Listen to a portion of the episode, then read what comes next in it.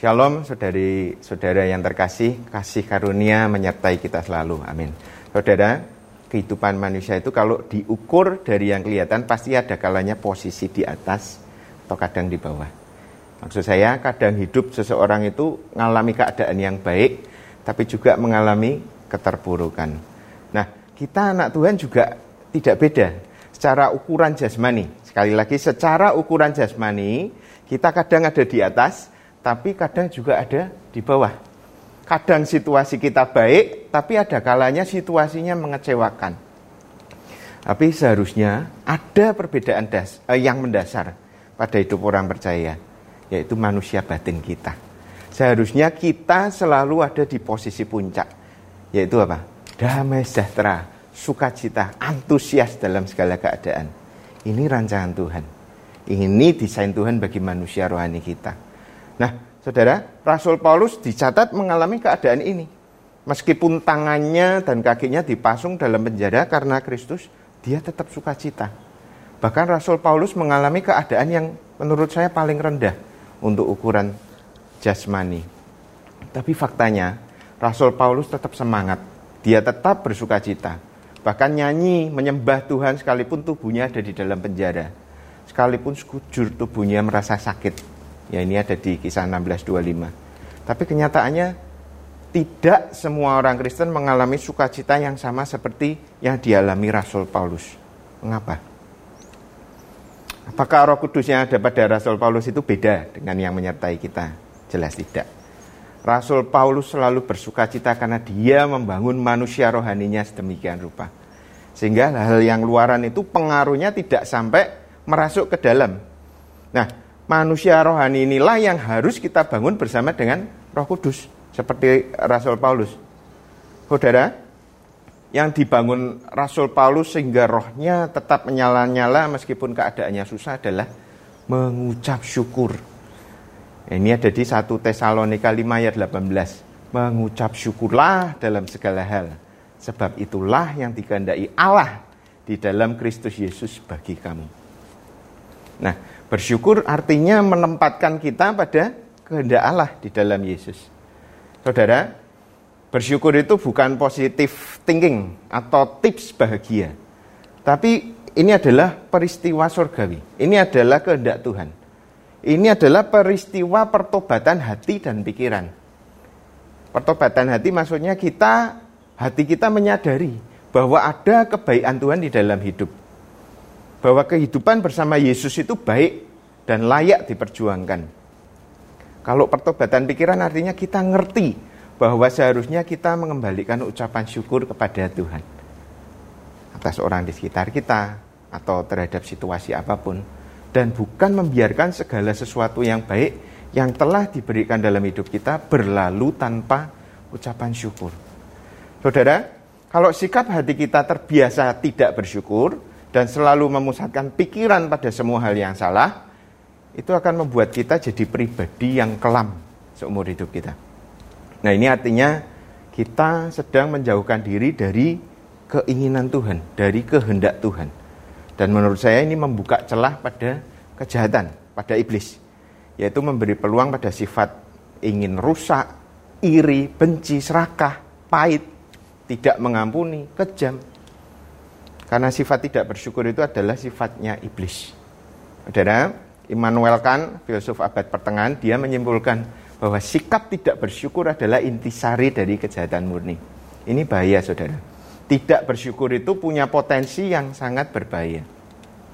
Tapi sebaliknya, mengingat kebaikan Tuhan setiap hari akan menempatkan kita pada kehendak Tuhan Yesus. Mengucap syukurlah dalam segala hal, itulah yang dikehendaki Allah di dalam Kristus Yesus bagi kita. Saudara, mengapa Tuhan Yesus dan Rasul Paulus melatih kita untuk mengucap syukur? Karena memang kemampuan untuk mengucap syukur itu tidak datang dengan otomatis. Tapi itu adalah karya Roh Kudus. Tapi karya Roh Kudus yang membutuhkan kesepakatan dengan kita Artinya kalau saudara tidak mengizinkan roh kudus membangun hidup yang mengucap syukur, maka hidup kita ini tidak bisa secara otomatis jadi pribadi yang bersyukur, yang selalu bersyukur. Jadi kalau kita tidak izinkan Roh Kudus mendidik kita untuk mengucap syukur, jangan pernah berharap jika suatu ketika terjadi peristiwa yang menyulitkan, hati kita bisa mengalirkan ucapan syukur itu tidak mungkin. Karena Tuhan Yesus melakukan uh, perintahnya, dia uh, menyampaikan perintahnya, Paulus menyampaikan uh, firman Tuhan tentang mengucap syukur ini ada tujuannya yaitu untuk mendidik kita di dalam Roh Kudus. Saudara, ingat kejadian uh, di Lukas 22 pada waktu Tuhan Yesus melakukan perjamuan terakhir. Dicatat di sana, lalu ia mengambil roti, mengucap syukur, memecah-mecahkannya, berikan pada murid-murid, dia bilang, inilah tubuhku yang diserahkan bagi kamu. Perbuat jadi peringatan akan aku. Ambil cawan, ini adalah darah perjanjian baru yang ditumpahkan bagi kamu. Saudara, cawan darah Yesus itu disebut cawan ucapan syukur oleh Rasul Paulus. Itu di 1 Korintus 10. Kita semua tahu, momen yang akan dilalui Tuhan Yesus itu sangat mengerikan. Tuhan Yesus sendiri juga tahu bahwa dirinya harus mati bagi semua orang. Dia tahu bahwa cara matinya itu sangat ngeri. Dia sendiri tahu kedahsyatan rasa sakit yang harus dia tahan sampai di kayu salib. Tapi pertanyaannya mengapa Yesus tetap bersyukur untuk segala kengerian yang akan menimpa dirinya. Apa yang sebenarnya ada di dalam benak Tuhan Yesus saat dia mengucap syukur? Saudara, di dalam ucapan syukurnya, Tuhan Yesus itu sedang mengingat segala kebaikan Bapa dan rasa syukur itu mengalir dari hatinya. Jadi ini bukan sesuatu yang dipaksakan, tapi ini mengalir dari hatinya. Bukan mulut yang lip service, tapi betul-betul mengalir dari hatinya. Itulah ucapan syukur. Berulang-ulang Tuhan menyatakan, karena Bapa mengasihi aku, karena Bapa mengasihi anak. Ini yang menjadi uh, pusat ucapan syukur Tuhan Yesus. Dia berterima kasih kepada Bapa karena memang Yesus telah menerima kasih dari Bapa. Jadi ketika momen paling mengerikan itu ada di depannya, Tuhan Yesus di dalam ucapan syukurnya dia sedang mengingat-ingat betapa Bapa sangat mengasihi dirinya. Ini yang Tuhan Yesus lakukan di dalam ucapan syukur. Dan ini juga yang akan kita bangun bersama dengan Roh Kudus. Ketika saudara berkata ya untuk mengucap syukur, Roh Kudus akan mengingatkan kita akan segala kebaikan Tuhan. Apa pun yang telah terjadi dalam hidup kita, kita bisa melihat perbuatan Tuhan yang baik itu karya Roh Kudus. Dan pada saat itu, maksud saya pada saat itu terus kita berbuat setiap waktu, maka saat itu juga artinya kita berada di pusat kehendak Tuhan. Ingat saudara, kemampuan untuk mengucap syukur tidak datang dengan mudah, dia tidak datang dengan alamiah dan tanpa usaha. Harus ada pertobatan hati dan pikiran nurut sama Roh Kudus untuk selalu bersyukur, mengingat semua kebaikan Tuhan. Saudara, saya mau sharing.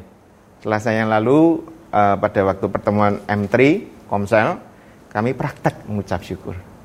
Kami duduk melingkar, makan bersama, nyanyi nyembah Tuhan bersama. Dan pada waktu renungan firman, kami merenungkan firman yang sama ini. Kami praktek mengucap syukur.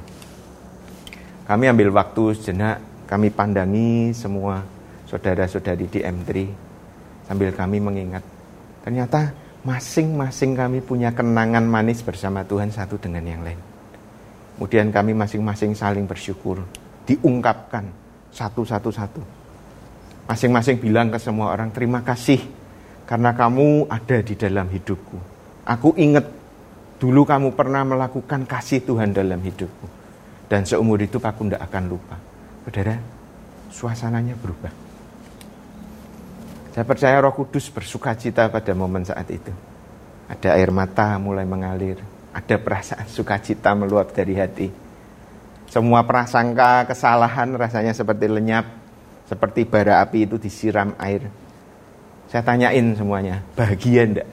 Sukacita ndak? Lega ndak? Pada waktu kamu menyatakan itu pada saudaramu. Semua berkata bersukacita ada damai, ada sesuatu yang indah di dalam batin. Ada sesuatu yang indah mengalir dari hati, dari batin kami. Saudara, baik yang mengucap syukur maupun yang terima ucapan syukur, semua mengalami apa yang dialami Tuhan Yesus dan Rasul Paulus. Karena ada satu kuasa surgawi yang mengalir uh, di dalam hidup pada waktu kita mengucap syukur. Nah, ini namanya membangun manusia rohani. Ini namanya mengizinkan Roh Kudus mengganti karakter kita dengan karakter Kristus. Ini yang diinginkan Tuhan Yesus terjadi dalam hidup kita. Mengucap syukurlah dalam segala hal, itulah yang dikehendaki Allah di dalam Yesus. Nah masalahnya saudara, kalau kami hanya berhenti mengucap syukur pada waktu di M3 saja, tapi tidak membangun itu setiap hari, maka percuma. Karena yang namanya membangun watak Kristus sangkal diri pikul salib, ikut Yesus itu harus setiap hari, seumur hidup. Maka saya dorong teman-teman kita memacu diri kita di M3 semua buat jurnal, buat catatan harian, buat surat kecil untuk Tuhan Yesus setiap hari. Catat, mulai bangun tidur, sudah ada kebaikan Tuhan. Suami istri masih menyertai kita. Anak-anak sehat, bisa sekolah dengan baik Pagi penuh berkat, keadaannya baik. Ada pekerjaan, ada rezeki setiap hari. Bersyukur untuk orang-orang di sekitar kita. Bersyukur karena kita memilih mereka dalam hidup kita. Jangan ingat-ingat terus kesalahan orang di sekitar kita. Karena itu akan membuat sepanjang hidupmu muram dan kelam.